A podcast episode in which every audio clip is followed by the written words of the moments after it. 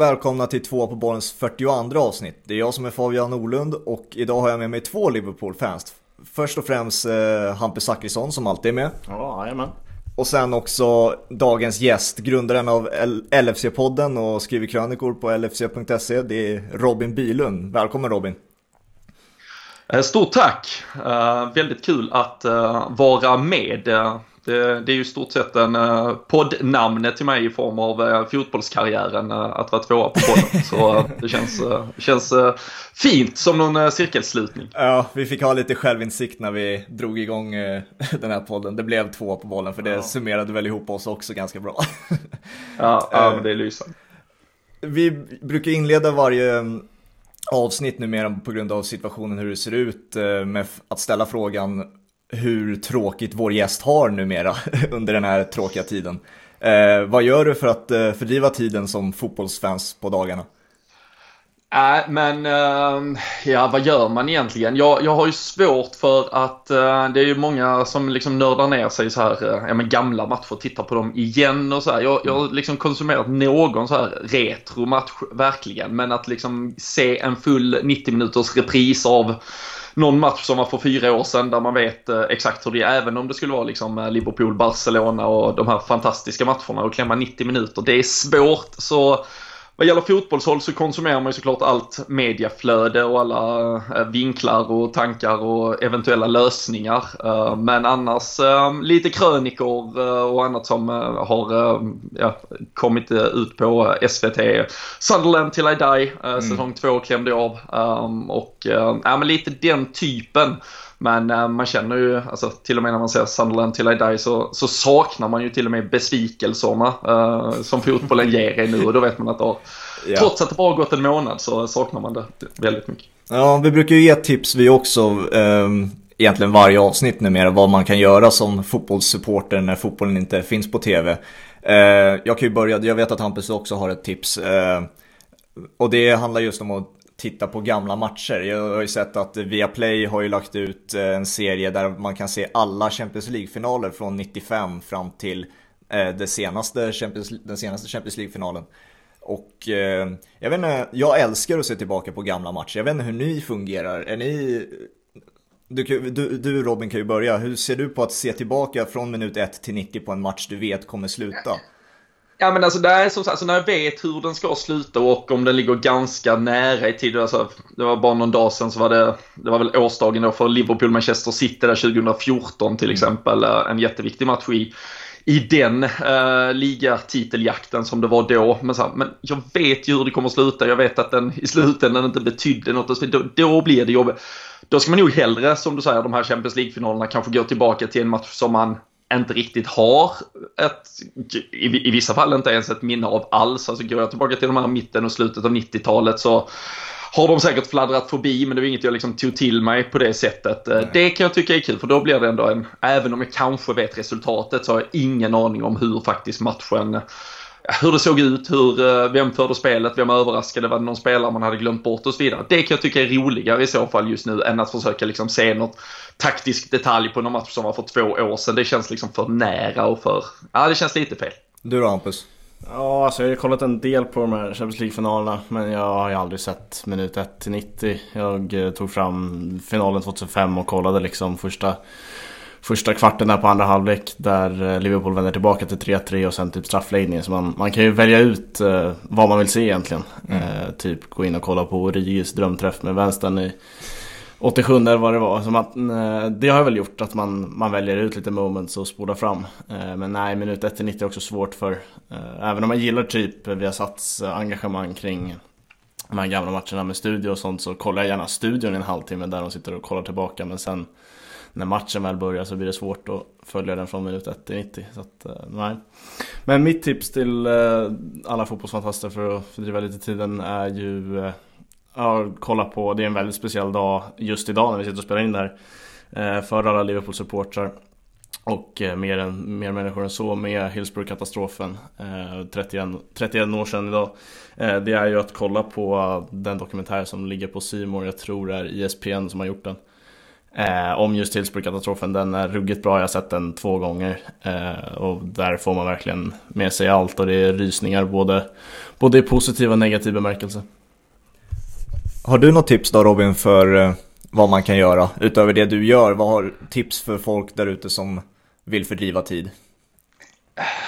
Ja, men alltså kanske så här, så om man inte ska eh, se och sådär så verkligen titta. Alltså, men kanske försöka konsumera lite så här vad som egentligen sker i fotbollsvärlden. Eh, Bak, nu har jag inga konkreta tips men där har jag förkovrat mig ändå varje gång det dyker upp någonting. Alltså de här eh, där man kan ändå passa på kanske lä- alltså så här, vi lever i det här akuta nyhetsflödet hela tiden, alltså även när det gäller fotbollen. Normalfall, det är liksom eh, bara spelarrykten och det är karuseller och det är pengar och det är liksom så här. Så kanske ta sig tid, alltså ett jättebra tips med Hillsborough till exempel som den dokumentär det är, men också kanske annars konsumera någon, någon bok eller eh, de här, den här typen av dokumentär med någonting som berättar kanske historierna lite bakom eh, klubbarna och det, det som liksom inte hinns med riktigt eh, i det vardagliga. Jag har inga konkreta tips, jag är för dåligt förberedd för det, men eh, ja, någon eh, ja, favoritspelare eller klubb och så kolla lite böcker eller dokumentärer eh, kring det och grotta ner sig i något istället för att bara liksom läsa klickisarna som kanske är vad som annars hinns med. Mm. Innan vi drar igång det här eh, Liverpool-avsnittet eh, så ska vi nämna vår nummer 42. Vi nämner ju eh, den spelaren vi kommer att tänka på när vi hör avsnittets nummer. Och då är vi på 42 idag som sagt. Och jag tror allas, när man väl tänker efter, så är ju nummer 42 Yahya Touré för de flesta fotbollsfantaster där ute. Ja, men i och med att det här är ett Liverpool-avsnitt så att säga så måste vi ju då nämna en eh, spelare som har spelat i Liverpool som har haft nummer 42. Och jag har gjort min research här. Eh, det har funnits tre spelare i Liverpools historia, i, i Liverpools Premier League-historia ska jag säga, som har registrerats med nummer 42. Eh, och det är en spelare, det är två akademispelare och så är det en som har gått eh, ganska långt i sin karriär från att ha lämnat Liverpool-bänken. Eh, det är en ungersk målvakt, så kan jag ge som tips. Har du koll på vem det är då Robin? Ja, men i så fall trillar ju uh, poletten ner. Då är det ju Peter Gulaxi. Exakt, ja. Uh, är han kvar i Leipzig, va? Ja, målvakt numera för Leipzig. Ja. Köptes ju till Liverpool 2008 och tillhörde klubben 2000, till, fram till 2013. Jag vet inte om uh, har något minne av honom i en Liverpool-tröja? Nej, inga, nej, inget som dyker upp. Jag kan inte ens, jag tror inte han gjorde ens någon alltså, ligacupmatch eller så, utan eventuellt någon försäsongs. Mm. bara. Det, jag tror inte man såg riktigt då att han, alltså han har faktiskt gått vidare och haft en riktigt fin. Måste, han gick väl till Salzburg först va kanske? Han har väl varit i hela konsortiet där? Eller ja, gick han till Leipzig? Ja. ja, han var i Salzburg först ja. Yes. Alltså där trodde man väl att han försvann uh, ut i periferin men uh, kom tillbaka till ändå yttersta scenen så uh, mm. det är ju häftigt. Mm. Det är väl en av Bundesligas bästa målvakter måste man väl ändå säga nu idag. Ja, jag såg, det var någon av de senaste matcherna mellan Leipzig och München. Han var helt otroligt bra eh, när de höll nollan. Så att, nej, han är verkligen klassmålvakt. Mm. Och eh, som, nu, nu när vi har berört vår Liverpool-spelare måste vi ändå gå, återgå till Yahya Touré. För jag tycker att han är en spelare som man bör diskutera lite. För att jag känner att han är lite underskattad nu när man blickar tillbaka på hans karriär. När man ska ta fram Premier Leagues bästa innermittfältare eh, känner jag att han inte riktigt han är inte bland eh, diskussionen kring Lampard, Scholes, Gerard-diskussionen. Eh, eller är det bara jag som misstar mig här att han är underskattad när man snackar om eh, Premier League-mittfältare och dominansen han hade? Han hade ju en så kort dominans kan jag tycka. Eh, men när han verkligen dominerade så var han ju överlägsen eh, på det där mittfältet. Men det blir väl också att Gerard Lampard Scholes gjorde det så pass länge. Eh, så därför försvinner Yahya Touré bort från dem just. Men nej, det är, alltså, det är sällan spelare jag tänker på när jag tar ut mina drömlag som försiggår överallt på Twitter egentligen. Så ja, lite håller jag med absolut. Att han är lite underskattad och glöms bort. Vad säger du då Robin? Äh, på tal om sådana drömälvar, jag fastnade i uh, en av de svåraste sådär att uh, ta ut. Jag uh, satt jag och gjorde i, i, i morse faktiskt. Mm. där man skulle, då var det alltså spelare från de fick inte ha, de fick inte komma från samma land och de fick inte, ingen i laget då fick heller representera samma klubblag. Um, det kan låta lagom lätt kanske, jag vet inte, men det var, det är i stort sett omöjligt. Framförallt väljer man Messi eller Ronaldo så går liksom alla andra brasilianska eller sydamerikanska typ storstjärnor bort, och så spanska också då mm. på grund av Barcelona och Real Madrid. Men där hade ju, hade han inte då, Yahya Touré, äh, spenderat äh, några säsonger i Barcelona, äh, utan det hade varit Manchester City och sen en del mer obskyra klubbar och så plus då Elfenbenskusten, då hade han ju varit klippt och skuren mm. för det här sammanhanget. Men, nej, men även som ni ändå säger, så jag tycker i, det är väl ungefär alltså det decenniet, alltså 10-talet här som det är ju liksom det som har varit min största, alltså där jag har liksom verkligen konsumerat fotboll på, på sanslösa nivåer och eh, Premier League såklart i synnerhet och där tycker jag väl att Yahya Touré har varit en av de största. Alltså, han, eh, David Silva och Sergio Aguero har ju varit, de var ju konstanterna någonstans för att Manchester City skulle bli så bra som de blev. Och eh, jag nämnde den där eh, våren 2014 eh, där kanske Liverpool spelar bort guldet från sig själv men man får inte glömma heller hur jävla bra just Yahya Touré eh, mm. var när han ledde Manchester. Han gjorde mål varje match. Jag minns inte bra men jag tror han kom väl över 20 mål den säsongen tror jag. Ja. Och eh, nej så det var väl kanske hans peak där i, i mitten av 10-talet men eh, där var han ju jävligt bra. Och dessutom att kunna lyckas se så otroligt loj ut medan man gör det. det. det. uppskattar man ju själv i en sån som van Dijk till exempel idag. Där det ser ut som han har vaknat precis och så går han in och så är han liksom bäst i världen. Och eh, det hade ju Yahya Touré lite eh, samma tendenser. Ja, precis. Uh, ja, det var våra nummer 42. Vi går över till uh, avsnittet då och Liverpool. Uh, tanken är att vi ska diskutera säsongen som spelats, nuvarande situationen med coronaviruset och den ständiga, ja, det ständiga problemet vi står inför hela tiden och eh, Liverpool i allmänhet kommer vi också diskutera. Så välkommen till eh, avsnitt 42 så kör vi. Vi kan ju börja med att rulla tillbaka bandet en bra bit. Eh, Robin, kommer du ihåg ditt första Liverpool-minne? Hur blev, och hur blev du ett fan liksom? Ja, men mitt, alltså mitt första Liverpool-minne som jag verkligen kommer ihåg det är ju faktiskt eh, knappt då ett eh, Liverpool-minne även om det liksom hade kommit lite tidigare. Men alltså det som får det att ändå breaka någonstans det är eh, Michael Owens VM 1998. Mm. Då, den sommaren är jag 10 år. Även, alltså jag har minnesbilder från eh, alltså både VM 94, alltså de svenska, men det är egentligen eh, midsommarfiranden och sommaren och allt vad det innebar. Men det är först liksom fot, riktigt så här att man tog till sig fotbollen tioårig eh, sommaren där 98. Då, eh, då föds någonting och Michael Owen hur han liksom flyger fram och det är han man någonstans förälskar sig i. Mm. Um, sen finns det ju då i, i tillägg till det, men som jag kanske knappt var medveten om då, liksom en mycket större bakomliggande historia. Jag har en en mormor som faktiskt är från Liverpool eh, som flydde hit efter, eh, eller under eh, andra världskriget och, och, flyttade upp till, till Sverige. Och mm såklart när kombinationen började, liksom bitarna började få falla, falla, på plats där, att man hade ju ändå, jag hade ju förstått att Liverpool var något speciellt för oss så att säga. Mike Lowen förälskade man sig i och, och så blev det egentligen, um, ja, då låg liksom stjärnorna rätt där uh, mm. för att det skulle bli Liverpool och um, därifrån um, så var det ju upplagt för att det skulle växa vidare. Ja, jag kan ju ta mitt första minne också. Det är inte, inte lika glädjefyllt så som när Michael Owen flög fram i det VMet. Men det var ju Champions League-finalen 2007 eh, där vi också ställdes mot Milan. Eh, och där har jag ett minne av att jag liksom, ja, liksom mamma får trösta mig för att jag gråter.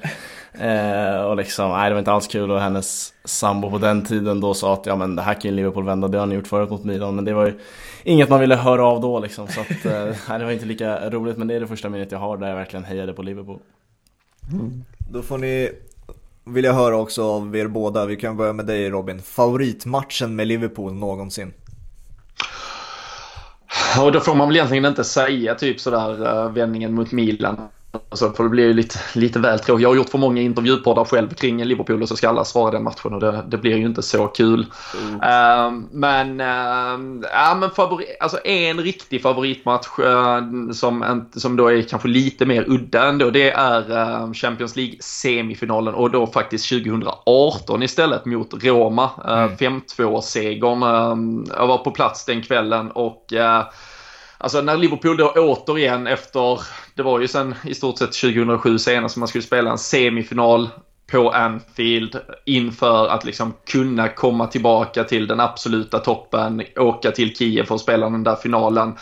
Um, alltså stämningen och uppbyggnaden innan det pissregnade något så fruktansvärt men ingen brydde sig. Och sen gick Liverpool ut och uh, den första timmen och 5-0 efter drygt just en timme är bland det sjukaste jag har upplevt. Mm. Um, sen blir det ju 5-2 och det blir en jävligt nerv uh, darrande retur sen också. Men uh, den matchen, uh, den första timmen, det är det absolut sjukaste jag varit med om. Mm. Det var, Salah, det var då man tyckte nästan Salah var bäst i världen också. Det var ja, ju... Och det var han väl kanske, alltså, om du koncentrerade till ett par månader där på våren så, ja. så var han antagligen bäst i världen. Och mm. sättet Liverpool spelar fotboll på då. Uh, nu är jag inte tillräckligt uh, liksom, uh, kunnig på det italienska där, men Francesco Di Francesco har ju fått ganska mycket kritik för kanske hur Roma approachade den matchen. Men mm. det kändes inte som att någonting kunde stoppa Liverpool um, där och då. Så uh, det, uh, de, de gick kanske i fällan men sättet Liverpool slaktade dem på var ju sanslöst. Mm. Din match då, Hampus? Ja, jag känner själv att jag sitter där och tänker till. Det är inte lätt. Man har ju sett en herrans massa matcher och man vill ju vara lite kreddig och kanske säga någon match innan Klopp-perioden i och med att den är så att tydligt är ju den bästa man upplevt med Liverpool. Eh, men jag gör väl ändå det och säger hemmamatchen på Anfield eh, 2014 måste det ha varit eh, mot City. Där ja, men solen sken och liksom jag var inne i en period där jag verkligen jag hejade alltså så jävla mycket på Liverpool liksom så och kände så mycket med det laget och när Coutinho bänder in eh, 3-2 där. När allt såg ut att gå åt helvete efter en tappad 2-0-ledning så känner man att nu, nu kan ju ingenting stoppa oss. Eh, nu tar vi den där jävla titeln. Eh, sen blev det inte så men just där och då så är det en sån extremt bra, bra match och bara bra dag överlag. Det var soligt även utanför fönstret så att eh, jag minns den matchen med stor glädje. Uh, ja, det, då leder vi väl mig in på frågan hur det kändes när den titeln faktiskt försvann då också till er båda. Eh, det, måste, det var ju liksom, det, jag minns dig Hampus, vi har ju känt varandra länge. Den sena våren 2014, det var inte lätt för dig alltså.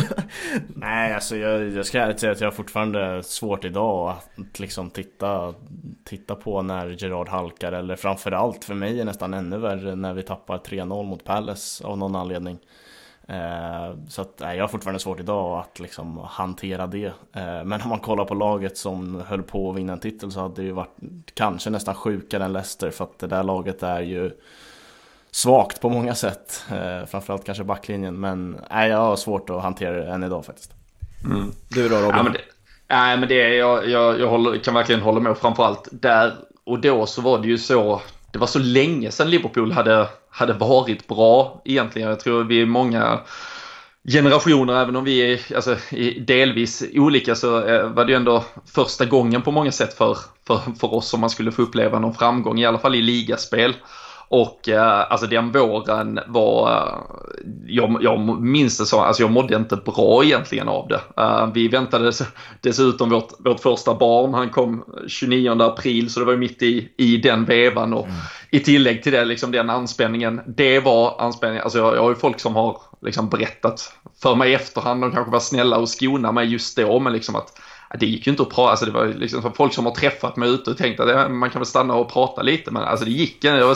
Alltså så här, kring matchdagar och dagen igen så alltså, det var, nej det var, det var inte bra. Uh, så, och jag vet inte liksom hur jag hade hanterat att vinna då heller men för min del är det ju, det är ju Chelsea-matchen, det, det, är där, all, där går allting ur mig. Jag, jag, jag trodde ju inte på det längre mot Crystal Palace riktigt. Uh, så, så på något sätt, jag fick en dödsstöt men den var ju total. Och eh, sen var jag på sista matchen mot Newcastle, där hade vi bokat sen eh, långt tidigare. Det var inte heller jättepopulärt. Det var väl min son, hade väl, han var sju, åtta dagar typ när jag åkte iväg där. Men eh, den, eh, det var trots allt ett jävligt vackert slut på den säsongen och eh, det var ändå, det kändes viktigt att få det för man fick någonstans ändå kanske förståelsen för vad det var som i grund och botten drev en som fotbollssupporter och det var ju att faktiskt få stå på den där läktaren och, och sjunga tillsammans med fansen. Mm. Oavsett om det blev ett guld eller inte. Um, klart som fan, så det var ju så otroligt surt och det var surt väldigt länge. Uh, men man lärde sig nog mycket. Uh, vi som då var med om vår kanske första riktiga guldjakt och det gjorde att framförallt förra säsongen när vi om än på sjuka marginaler tappar en ligatitel då också eller i alla fall inte når hela vägen fram så, så njöt jag så otroligt mycket mer förra mm. våren än vad jag hade gjort tidigare. Så det var väl i alla fall en lärdom för framtiden. Mm. Vi fortsätter eh, favoritspelare någonsin i Liverpool. Robin, du kan ju börja.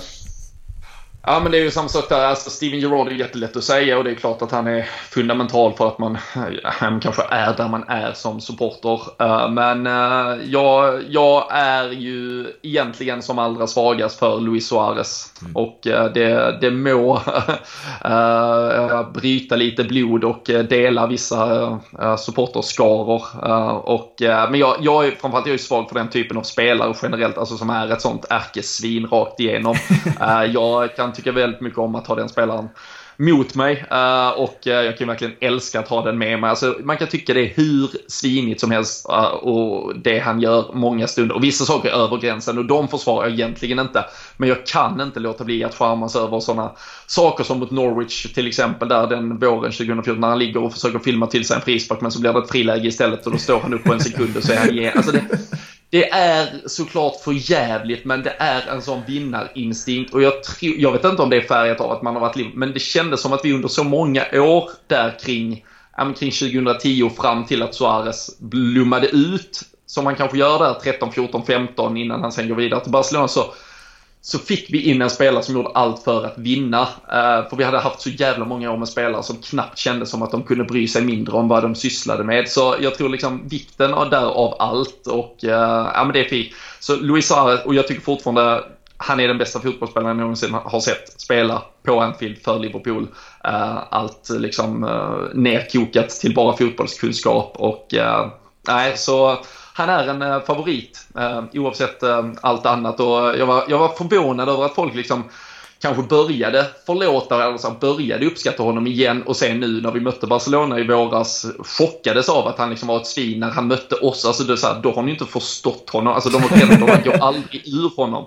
Han kommer, alltså hade han gjort 4-1 i 93 så att Barcelona hade gått vidare där, alltså han hade ju glidit på knä framför Dicop. Men det är ändå därför jag gillar honom. Lite sjukt nog, men uh, nej. Han, uh, han är speciell. Ja, för mig, även om jag kanske inte vill erkänna det, så var det väl Fernando Torres som gjorde mig till Liverpool-supporter eh, någonstans. Eh, men därför tog det så extremt hårt på mig när han gick till Chelsea.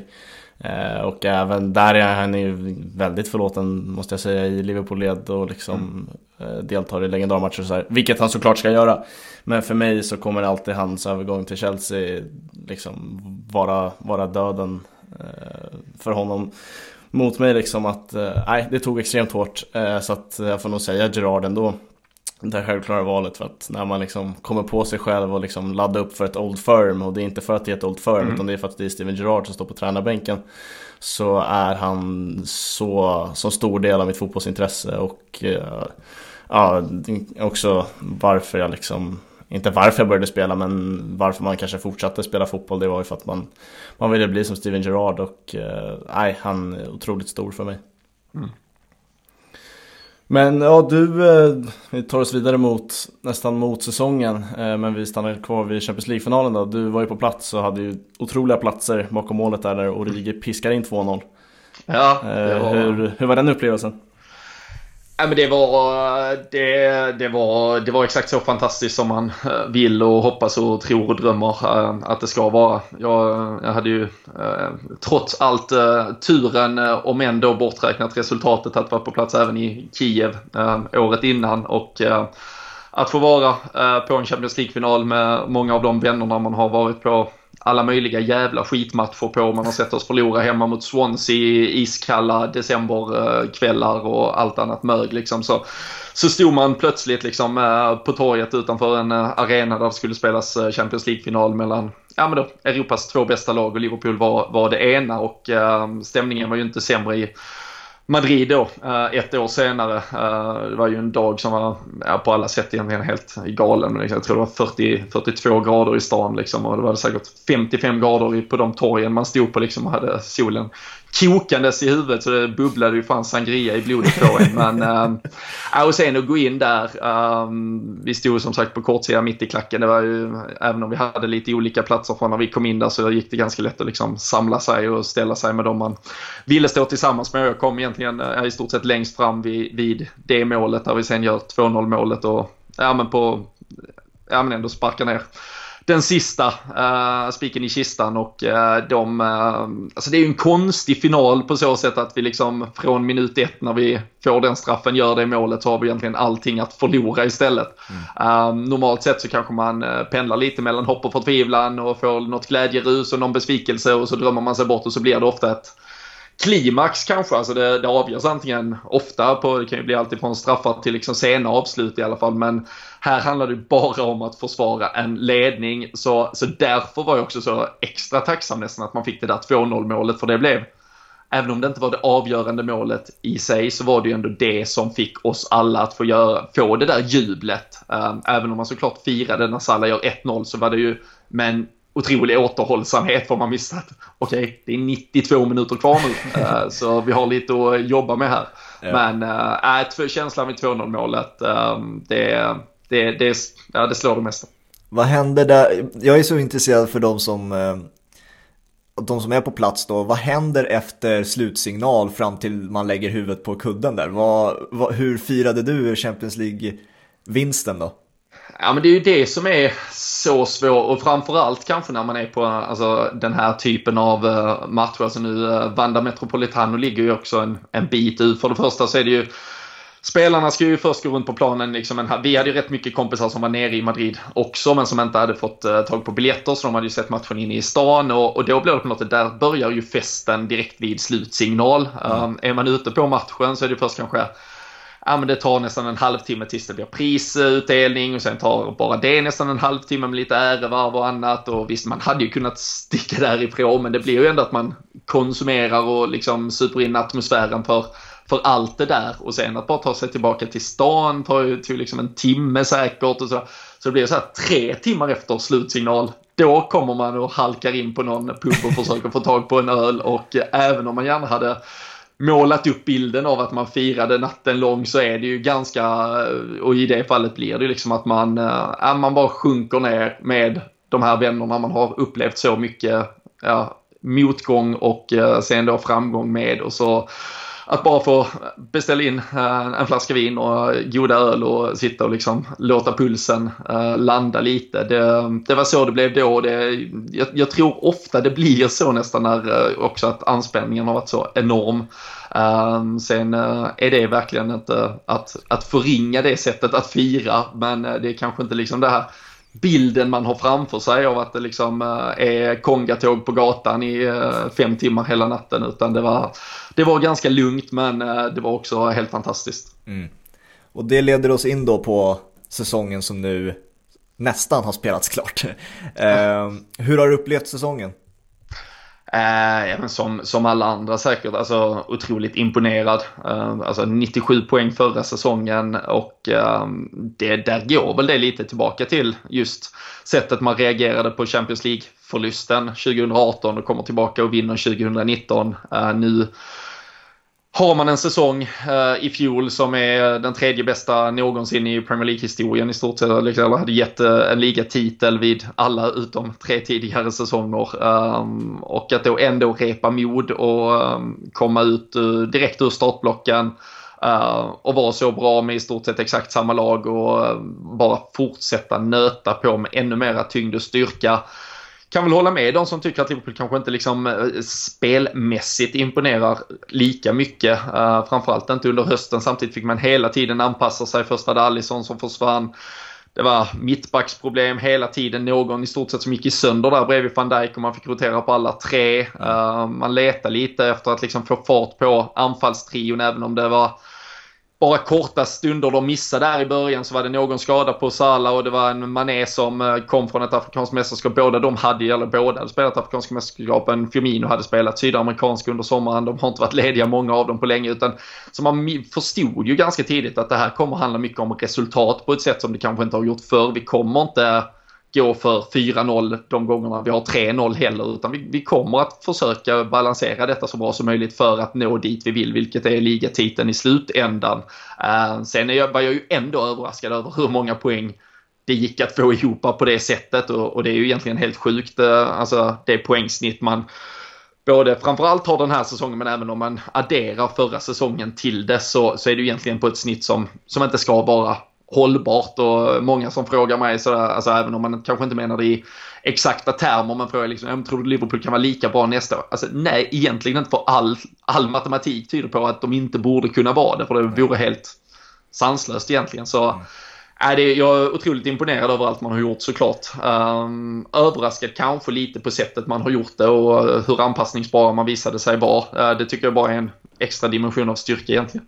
Det leder ju mig in på nästa fråga. Varför springer man iväg med titeln så, så enkelt? Är det att Liverpool är så bra eller att det är det resterande lagens konkurrenskraft som har sjunkit? Det är en fråga till er båda. Hampus, du kan ju börja. Ja, alltså det är väl mycket som Robin är inne på. Just den här ja, men nästan fixeringen och obsession med att liksom vinna matcher mer än någonting annat. Eh, än att spela liksom vacker fotboll eller vinna med 4-0. Här handlade det om att vinna matcher. Eh, och Liverpool har ju en så pass bra trupp så att när man, när man kanske valde att gå mer på den vägen så är man så här bra, det tror jag. Eh, och sen kan ju andra lagsfans liksom ranta om att det finns inget, finns ingen vettig utmanare men det är bara att kolla pengarna som ja, varenda lag har spenderat egentligen. Eh, City såklart men även liksom Manchester United och allt vad de heter. Eh, så att nej, jag tror liksom Liverpool är, är på den här nivån och det, det ska man ju med sig att det är en exceptionellt bra säsong. Det är inte liksom det här, det här är inget man ser varje säsong. Men förr i tiden och även eh, tid, alltså mer moderna säsonger så vinner man ju titeln på liksom kanske 89, 80, 88 poäng. Eh, det har ju typ Liverpool nu känns det som. Mm. Eh, så att, nej Liverpool är ju så här bra så är det ju bara. Det, tabellen ljuger inte som man säger. Eh, så att, nej fruktansvärt imponerad. Vad säger du om konkurrensen då Robin? Uh, nej men för det första just att sätta, sätta Liverpools säsong lite i, i relation till annat. Är, alltså, för, även om vi skulle hamna i en situation där vi blåser av allt nu så har alltså Liverpool mer poäng än vad till exempel Uniteds 99-lag hade när de vann trippen och ansågs vara bäst i världen. Uh, vi har fler segrar än vad Arsenal hade säsongen de gick obesegrade.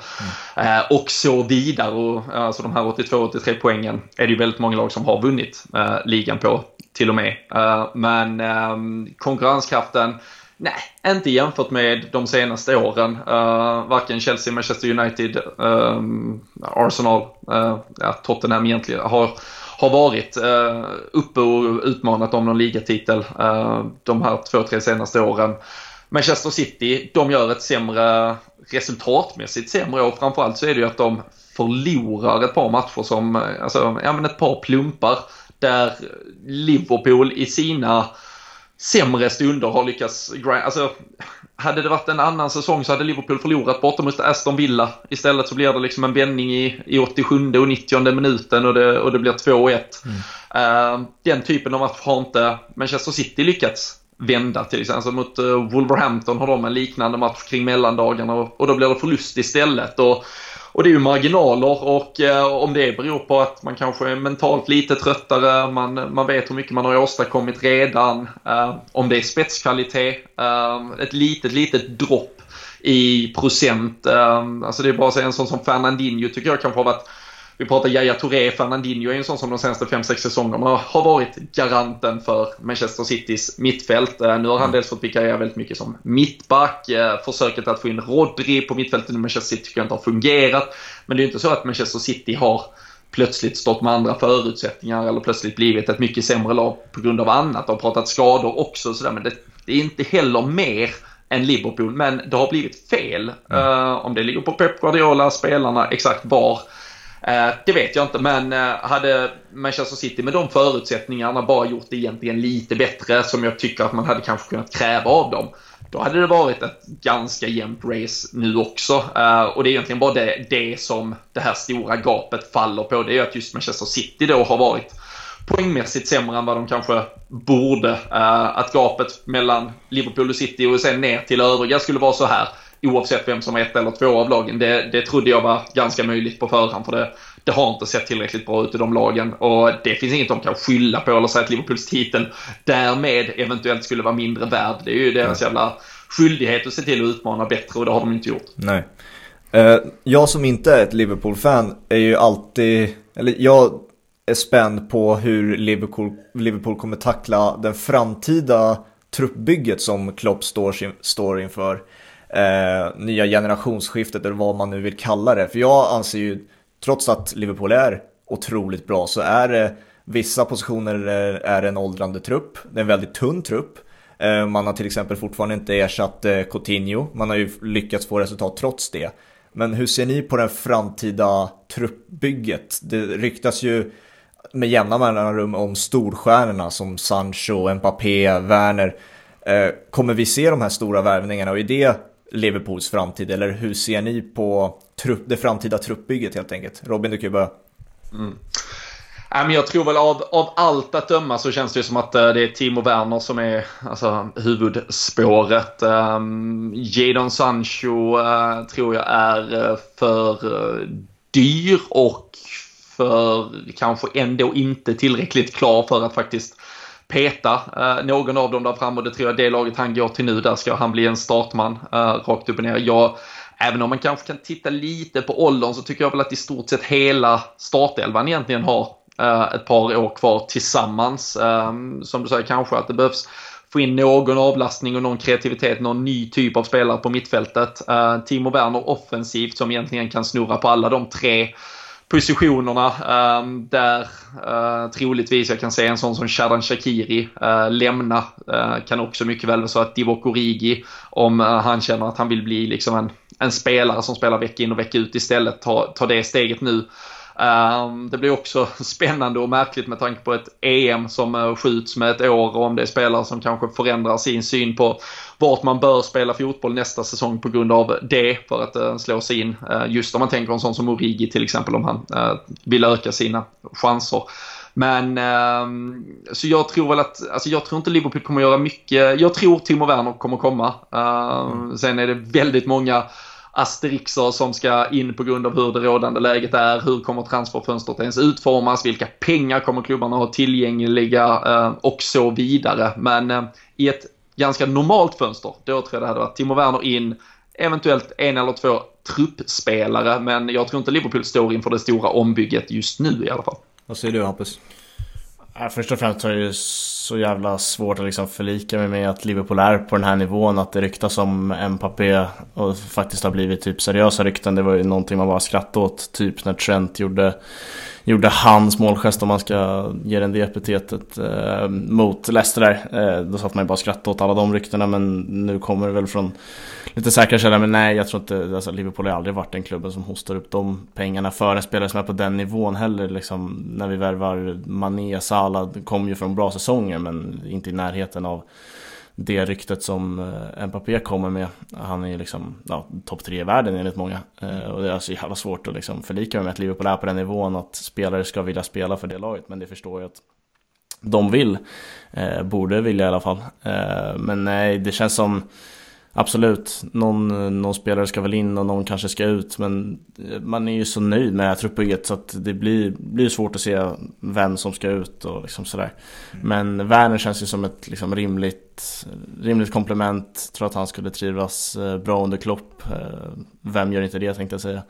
Eh, så att jag är väl inne på det som Robin också inne på att det är svårt, svårt att se ett ombygge framförallt också med tanke på situationen vi har. Hur, vilka pengar som kommer spenderas det vet man inte och hur ens fönstret kommer se ut. Men jag är väldigt nöjd med truppen som den är faktiskt. Jag, jag ser ju liksom på det här hela som objektiv att när man är på toppen som Liverpool verkligen är då för att fortsätta vara på toppen krävs det att man fortsätter rulla på det och att eh, man söker nya metoder att försöka hela tiden utvecklas. Jag lyssnade på en podcast där eh, Alan Shearer gästade för inte så länge sedan. Ehm, och han pratade om eh, hans tid i Blackburn. De vann ju Premier League där 1995. Och han sa att det största misstaget Blackburn som klubb gjorde och som tränaren Ray Harfer gjorde var att inte köpa in nya spelare efter eh, titeln faktiskt eh, vanns av Blackburn. Han förlitade sig istället på truppen han hade eh, eftersom att den var så framgångsrik och att hela Blackburn älskade alltså truppen som fanns där. Precis, väldigt likt Liverpool, alla älskar, ju sin, alla älskar ju truppen i Liverpool. Det är därför man, man, många hejar på dem. Kan det vara liksom någonting Liverpool och Klopp kan råka ut för? Att Klopp har lite för mycket till, alltså litar på sin trupp lite för mycket och att man inte utvecklar den genom att köpa in nödvändiga spelare. Vad säger du Robin? Nej, det, alltså det, jag, jag tror inte det. Uh, nu ska vi bara, får vi föra till protokollet att det var den uh, Liverpool-legenden Kenny Dalglish som var tränare och just vann ligatiteln. Ja, det var ju Ray Harford som tog över där ja. Precis. Uh, men, uh, och sen kanske Blackburn, uh, med, med, all respekt då, hade mer ett one season wonder-lag i förhållande till det Liverpool har byggt upp. Men jag förstår ändå liksom verkligen frågan och problematiken och det, det, är väl den liksom extremt svåra balansen som som alla eh, klubbar liksom våndas med kan man väl kanske eh, argumentera kring Manchester City om den här typen av Agüero med flera har fått en säsong på mycket innan man kanske gjorde bytet och så vidare. Uh, och eh, det kommer vara ett, eh, ett problem Liverpool måste hantera. Jag tror bara inte det är denna säsongen. Det kan mycket väl vara redan nästa. Jag tror ju nu också, även om jag inte vill se något som helst positivt i det avbrott som är, så tror jag ju ändå att även när den här säsongen förhoppningsvis på något sätt kommer igång, Liverpool blir förhoppningsvis på något sätt mästare, så kommer det vara en säsong som ändå inte blev riktigt som man hade tänkt sig och även om slutmålet kanske för den här generationen om vi säger så var att få vinna både Champions League och ligan tillsammans så kommer det ändå inte ha blivit på det sättet vilket jag tror ger dem en enorm hunger att gå in i nästa säsong och vara ännu bättre. Eh, sen som jag sa tidigare så tror jag kanske inte det är möjligt att vara matematiskt ännu bättre men att man kanske då äntligen får vinna den här ligan på riktigt istället. Ehm, om vi säger så. Så jag tror det finns för många, jag tror ändå, och med lite då blessing in disguise på något sätt med det här abrupta eh, stoppet vi är mitt i nu, ehm, så tror jag ändå där tillsammans med den otroligt bra gruppdynamik jag upplever att det finns i laget finns tillräckligt mycket energi kvar för att samma gäng ska göra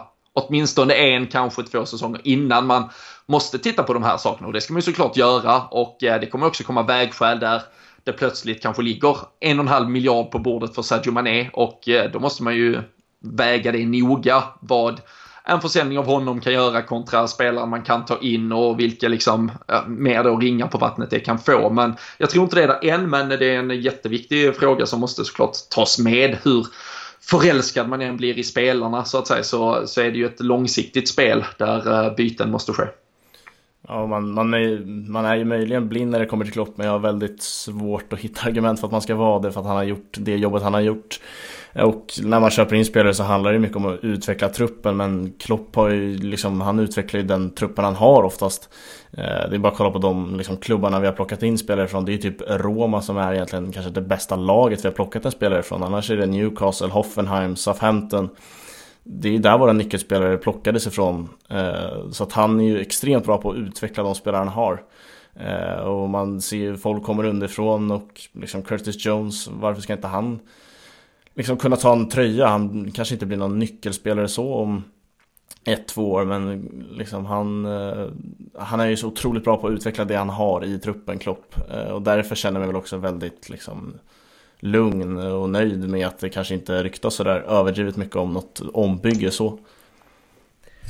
Är det så du också ser Robin, man kommer gå tillväga när man värvar in spelare när du nu blir, eh, att det är från klubbar av den statusen? Eller ser du någon, eh, alltså man börjar kolla på storklubbar och storstjärnor? Nej men alltså det, vi får ju nog, eh, alltså som ni var inne på tidigare, så det vi, vi måste samtidigt förstå att, eh, att Liverpool numera är på en, ja, men på en helt annan nivå eh, och hålls ju som och är en av de bästa klubbarna i, i världen. Och med beroende på liksom vilken kostnadsmodell man, man sätter på det här projektet framöver så, så finns det ju såklart samma förutsättningar för Liverpool att, att värva de absoluta toppnamnen som andra. Ehm, sen kan vi konstatera att det skulle behövas en radikal förändring i liksom lönestruktur för att en Kylian Mbappé skulle gå in i Liverpool utan att det blir liksom fullständig obalans på, på alla andra poster. Ehm, det är liksom inte de snittlönerna och eh, det, det, är ju väldigt många som har gjort väldigt mycket för den här klubben som skulle förtjäna väldigt mycket mer i så fall. Ehm, och det blir ju jätteintressant med på så sätt med det läget vi befinner oss i.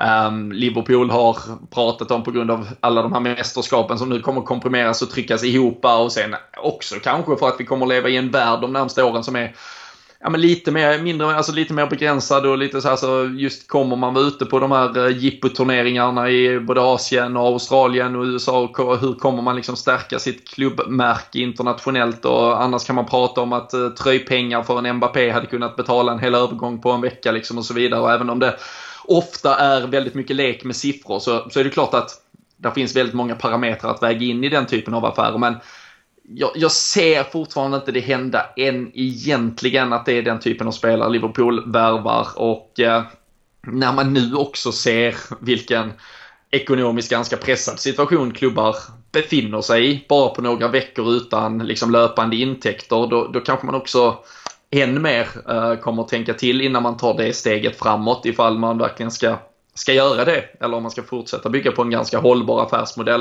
eh, där Liverpool har varit exemplariska i, i, hur man har skött det de senaste åren och det är väl kanske egentligen den mest sunda vägen framåt också uh, och kan man göra det samtidigt som man vinner titlar så känns det ju som den, det absolut optimala. Ja, vi kanske tar oss över till hela situationen med Corona och den uppskjutna ligan. Eh, till att börja med så vad, vad har liksom hela den här epidemin och den uppskjutna ligan gjort med dina känslor kring att äntligen få den där ligatiteln som i ärlighetens namn redan skulle varit i Liverpool om inte det här skett?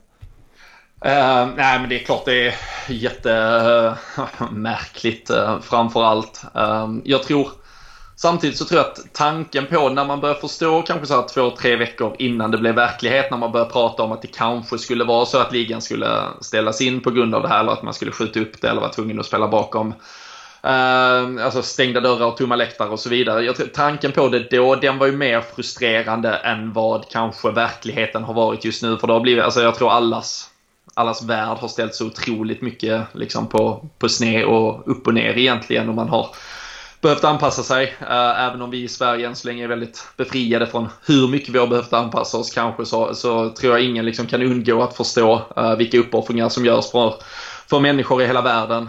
Um, så det satte ganska snabbt perspektiv på att gå och vara bitter över att vi inte har vunnit vår titel inför fulla hus och att fått fira och sådär. Det, det kanske inte är det viktigaste. Uh, tanken på det innan allt slog till var kanske egentligen värre. Um, jag skulle ha spenderat förra helgen, eller den helgen som var nu i Liverpool till exempel. Vi skulle ha varit på derbyt som var den första av de inställda matcherna i mitten av mars, drygt en månad sedan. Och hade bokat sista matchen och så vidare. Så man hade ju verkligen lagt upp för en vår som i Liverpool-tecken äh, skulle vara allt det där som den där våren 2014 inte blev då med liksom firande egentligen vecka till vecka och eh, allting. Men just nu så, så har fotboll faktiskt, alltså som sådan, alltså det är fel att säga att det har bleknat i, men jo det har det. Uh, just nu kan jag faktiskt längta efter att, just som, som jag sa, de där stå i december och känna att man har eh, fått stryk mot Swansea hemma och livet suger och vi ligger sjua i ligan. Det är nästan mer det jag längtar efter än att just få vinna, bara att få liksom uppleva fotboll igen uh, tillsammans med sina, sina nära och kära. Det, det är fan det jag saknar mest just nu. Mm. Du har väl liknande känslor inför, alltså inför titeln titeln eh, så att säga Hampus?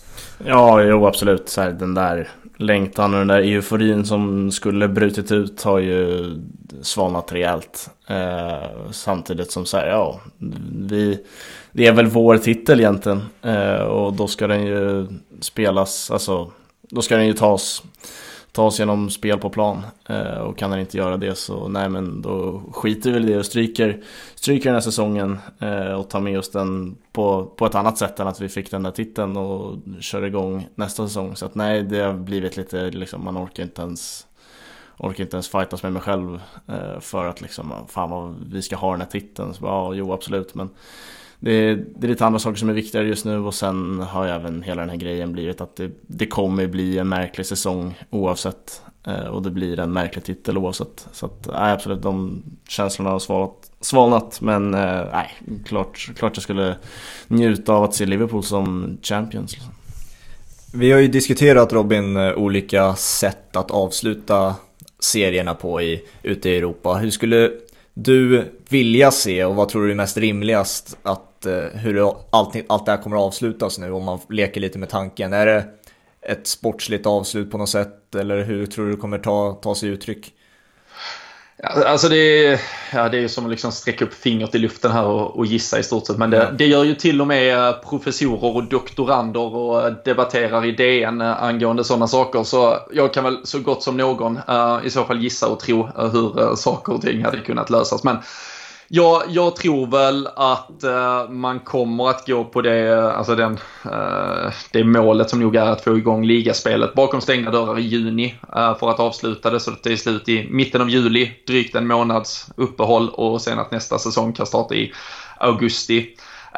sen har man ju däremot svårt att tro att kanske även i augusti att det kommer att vara med folk på läktarna och så vidare. Samtidigt är det så att man tror att folk kan vara tillbaka på läktarna i augusti då kanske jag däremot hade varit av snarare alltså, lite målet att då hade man kanske väntat till augusti och spelat först den biten av den här säsongen som är kvar nästan till september och sen typ runt det som hade varit det första landslagsuppehållet. Då pausar man för att sen spela en väldigt intensiv nästa säsong istället där man eh, ställer in, gäller alla inhemska kupper och eh, så vidare. Eh, men jag vet det, jag tycker det är så otroligt svårt. Jag tror det kommer att bli någon form av stängda dörrar, avgjord säsong. Framförallt inte så mycket för att Liverpool ska kunna bli mästare, men vi har fan ett ligasystem med lag som ska upp och ner och det är ett fullständigt jävla kaos som påverkar så många andra klubbar och framförallt på lägre nivåer så mycket mer än vad det påverkar Liverpool. Mm. jag får ofta ha den här diskussionen med folk på, på Twitter som uh, tycker att ja, men det är bara att lägga ner säsongen och så säger man tvärtom, nej jag tycker den borde spelas klart och så ja det är bara för att du är Liverpool-supporter. nej, faktiskt inte. För så här, vad som än händer, som han sa, alltså Liverpool är mästare och det vet alla, så jag skiter faktiskt nästan i uh, om det konkluderas och det liksom mm. delas ut en titel. Och speciellt när vi till 99,9% ändå inte kommer få vara på plats och uppleva den. Man vet inte ens ifall man kommer kunna samlas på en pub i, i Sverige för att se den i stort. Alltså om de restriktionerna som är kvar nu så blir det i stort sett det är svårt. Så liksom, det, det kommer bli sånt alibi-säsong ändå på så många sätt. Uh, men uh, Nej, spela klart det som något uh, litet intensivt mästerskap uh, direkt igår i sommar uh, och uh, framförallt gör allt vad alla kan här i världen för att vi får uppleva en fotbollssäsong från och med nästa som börjar med folk på läktarna. Jag såg att Frankrike vill ju till och med försöka då att den innevarande säsongen skjuts upp till att man kan gå på fotboll. Då, det, det tycker jag också hade varit drömmen men jag vågar inte se att det är möjligt just nu tyvärr. Vi som eh, följer dig på Twitter har ju sett att du har varit väldigt aktiv med att kommentera och berätta vad du tycker om agerandet Liverpool, eh, ja deras agerande kring permitteringen. Eh, mm. Först och främst kanske du kan berätta exakt vad som eh, hände där för de som inte har hängt med och eh, eller inte kan de exakta detaljerna kring den permitteringen. Nej men precis, eh, vissa känner kanske till det, det svenska systemet och annars eh, så, så handlar det ju kortfattat om att eh, ja, men helt enkelt staten går in och täcker en del av lönekostnaden för personer där du reducerar deras arbetstid och så behåller de ändå till syvende och sist ganska stor del av sin lön. Och det hade ju först då Newcastle, Norwich, Bournemouth och Tottenham gått ut och meddelat att man skulle göra med sin personal i England. I England är systemet som sådant att Staten tar 80% av en anställds lön upp till 2500 pund i månaden. Alltså drygt typ 27 000 och så 80% av det, så ja, 23-24 000 ungefär täcker då eh, staten lönen med och så kan du i stort sett skicka hem de anställda eh, eftersom det inte finns något att göra. Alltså, det kunde vara alltid från folk som jobbar i klubbshoppen till jobbar på matchdagarna i kiosker eller vad som helst. Men ehm, samtidigt då så hade man ju fortfarande inte kommit till någon ja, men någon egentligen insikt kring hur spelarna skulle agera, vad som skulle ske med deras löner. Eh, och eh, Liverpool var ju då femte klubben ut när de gick ut med information att de också skulle utnyttja det här systemet, men att de då skulle toppa upp med eh, 20% ytterligare så att alla skulle alltså behålla 100% av sin lön och då skulle man sig på bröstet ganska mycket kring det. Uh, och huvudfokus var väl just att ja, men visa till att alla behåller sin lön. Uh, men det var ju rätt mycket lögn i det, utan man hade ju bara lindat in det ganska fint. Utan man skulle ju faktiskt utnyttja 80% av av staten. Eh, och eh, som vi alla vet nu så, och verkligen i England så är det ju en sjukvård och där statliga pengar kan komma väldigt mycket mer väl till pass än att eh, liksom rädda balansböckerna för en fotbollsklubb. Och när du då ska ta statens hjälp för att betala drygt 23-24 000 i månaden till en 200-300 anställda när du samtidigt kan betala ut 2-3 miljoner i veckan, eh, alltså bara till en spelare i, eh, i vissa fall, eh, då, då tyckte jag det blev äckligt. Och eh, jag hade varit kritisk mot Tottenham innan och eh, när då mitt älskade Liverpool gjorde samma sak, då kunde jag ju självklart inte tycka något annat än att det var minst lika hemskt och egentligen värre. För jag tycker Liverpool försöker ofta anspela på sitt äh, socialistiska och man använder Bill Shankly ofta som en referensperson till det. Uh, medan jag kanske nästan kan köpa att en Daniel Levy i Tottenham liksom gör allt han kan för att sko sig på skattebetalare och alla andra. Men äh, nej, så det blev ett jävla ramaskri och det var inte så att jag var den som ropade högst även om jag kanske äh, i Sverige så att säga bland Liverpool-supportrar äh, tog någon liten eh, ledartröja. Men det var ju fans över hela världen som verkligen gick i clinch med klubben och det tog bara två dagar och sen ångrade de sig och meddelade att de kommer inte ta beslut eller ta något stöd från staten. Och det är kul att se också att faktiskt både Tottenham och Bournemouth har äh, vänt äh, sedan dess. Äh, att, att, Newcastle ska göra det, det kan vi väl alla drömma om. Äh, verkar det väl dessutom som att Mike Ashley lyckas casha in och sälja det till både lite saudier och Amanda Steverly är väl involverade också. Men ja, vi får se. Mm. Men det är ju en rutten klubb rakt igenom. Men Liverpool, det, var, det var jävligt tragiskt att se att, att vi funderade ens på att göra så. Och eh, jag förstår faktiskt inte hur eh, PR-folk och annat runt omkring kunde ens tro att det här skulle gå igenom. Um, så lättlurade är vi inte ens när vi sitter i karantän. Hur såg eh, ni båda två, jag kan eh, ta dig Hampus först, hur såg ni på den där U-svängen som Liverpool gjorde till slut då? Ja, den kändes ju liksom, det fanns, fanns ju ingen val på något sätt. Eh, liksom deras egna fansen tryckte de ju upp mot hörnet och sa liksom att nu, nu backar ni från det här egentligen. Eh, och det var ju sånt, sånt gensvar på det.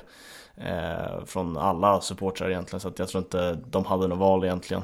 Eh, sen fick ju liksom Liverpool väldigt mycket hyllningar och det liksom hade ju folk också någonting emot att man hyllade sen att de backade. Eh, men ja, det är väl så.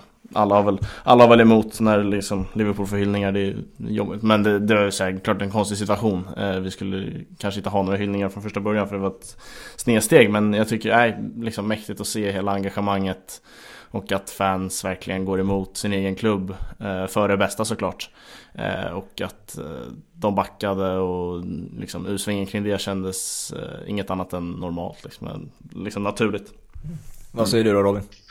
Nej, nej men jag, alltså för det första, jag, jag upplevde inte det här med att Liverpool fick så otroligt mycket beröm. Men det, jag såg folk som skrev det och tyckte det. Det, det tyckte jag var helt fel. Alltså, om de har fått det från något håll så tycker jag det egentligen är märkligt. Alltså, det är så här, bra att ni ändrar er, men mm. det var fortfarande helt jävla sjukt det ni gjorde från början. Så ja, men vi, vi, kan stryka ett streck över det. Det var väl Gary uh, Lineker, förlåt Robin, det var Gary ja. Lineker som gick ut på Twitter och berömde dem till skyarna eller vad det var.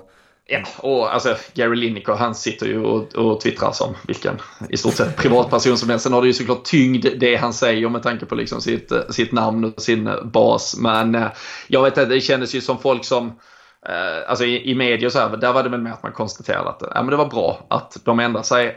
Och det jag framförallt tycker man ska vara stolt över, som, som ni också är inne på, det är det är ju snarare att, alltså, att fansen väljer att ta den fighten. För alltså det är alltså en, ett Liverpool som verkligen har varit för bara 5, 6, 7, 8 år sedan kanske alltså, riktigt misskött. Det har varit tuffa tider och sen så har FSG kommit in och ja, men de senaste åren verkligen gjort allting rätt. Man har både sportsligt och ekonomiskt och liksom i sitt samhällsengagemang. Alltså man har verkligen gjort allt, allt rätt. Och det, det hade varit enkelt tror jag att få så här, okej, okay, men då ser vi lite mellan fingrarna på just det här för att nu kanske de kan få en liten bit av liksom kakan här och roffa åt sig lite cash för allt jobb de har gjort och allt de ändå har eh, gett oss och vi är på väg mot ett guld och allting. Men, men det visar ju ändå att den här myten om liksom Liverpool-fansen som någon eh, sekt och som att man är liksom så hängiven och så mycket tror sig vara så mycket bättre och värre och större och, och på alla sätt och vis så så tyckte jag det var ett jävla skönt bevis på att, ja fast vi står ändå fast vid liksom de vi kanske skriker högt men vi skriker trots allt om samma sak alltid. Vi ändrar inte, liksom, vi vänder inte med den kappan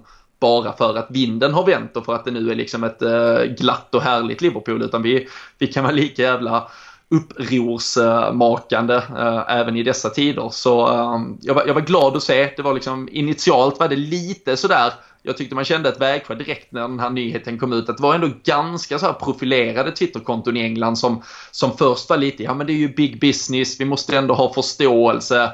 Men jag var jävligt glad att det ändå då blev den andra sidan som segrade och sen ganska rejält liksom. Ehm, och fick ju stöd från både gamla spelare och folk runt klubben med, med den makten och pondusen som krävdes för att förklara verkligen för allt och alla att det här var fel. Så ehm, nej, eh, skönt att det blev rätt till slut.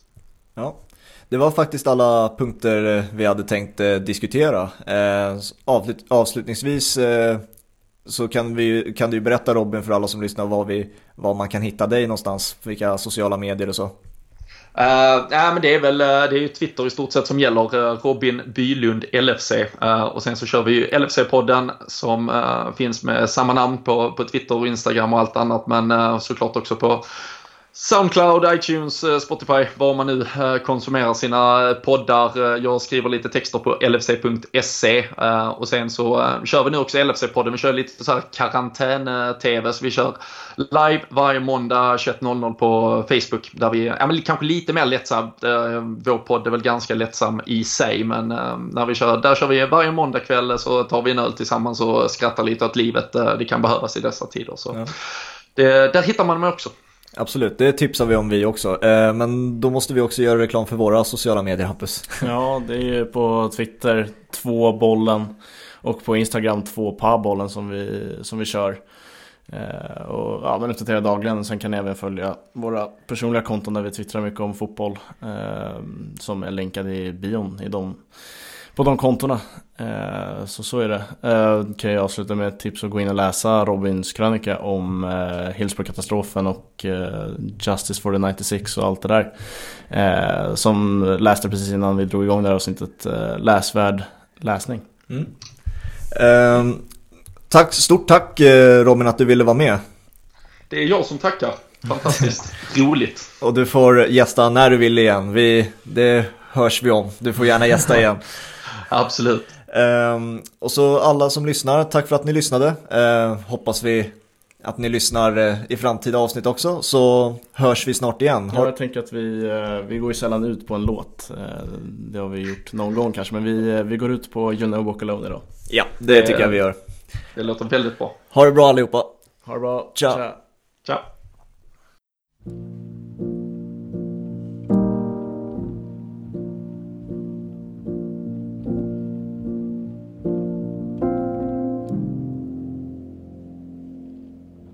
When you walk through a storm. Hold your head up high and don't be afraid of the dark. At the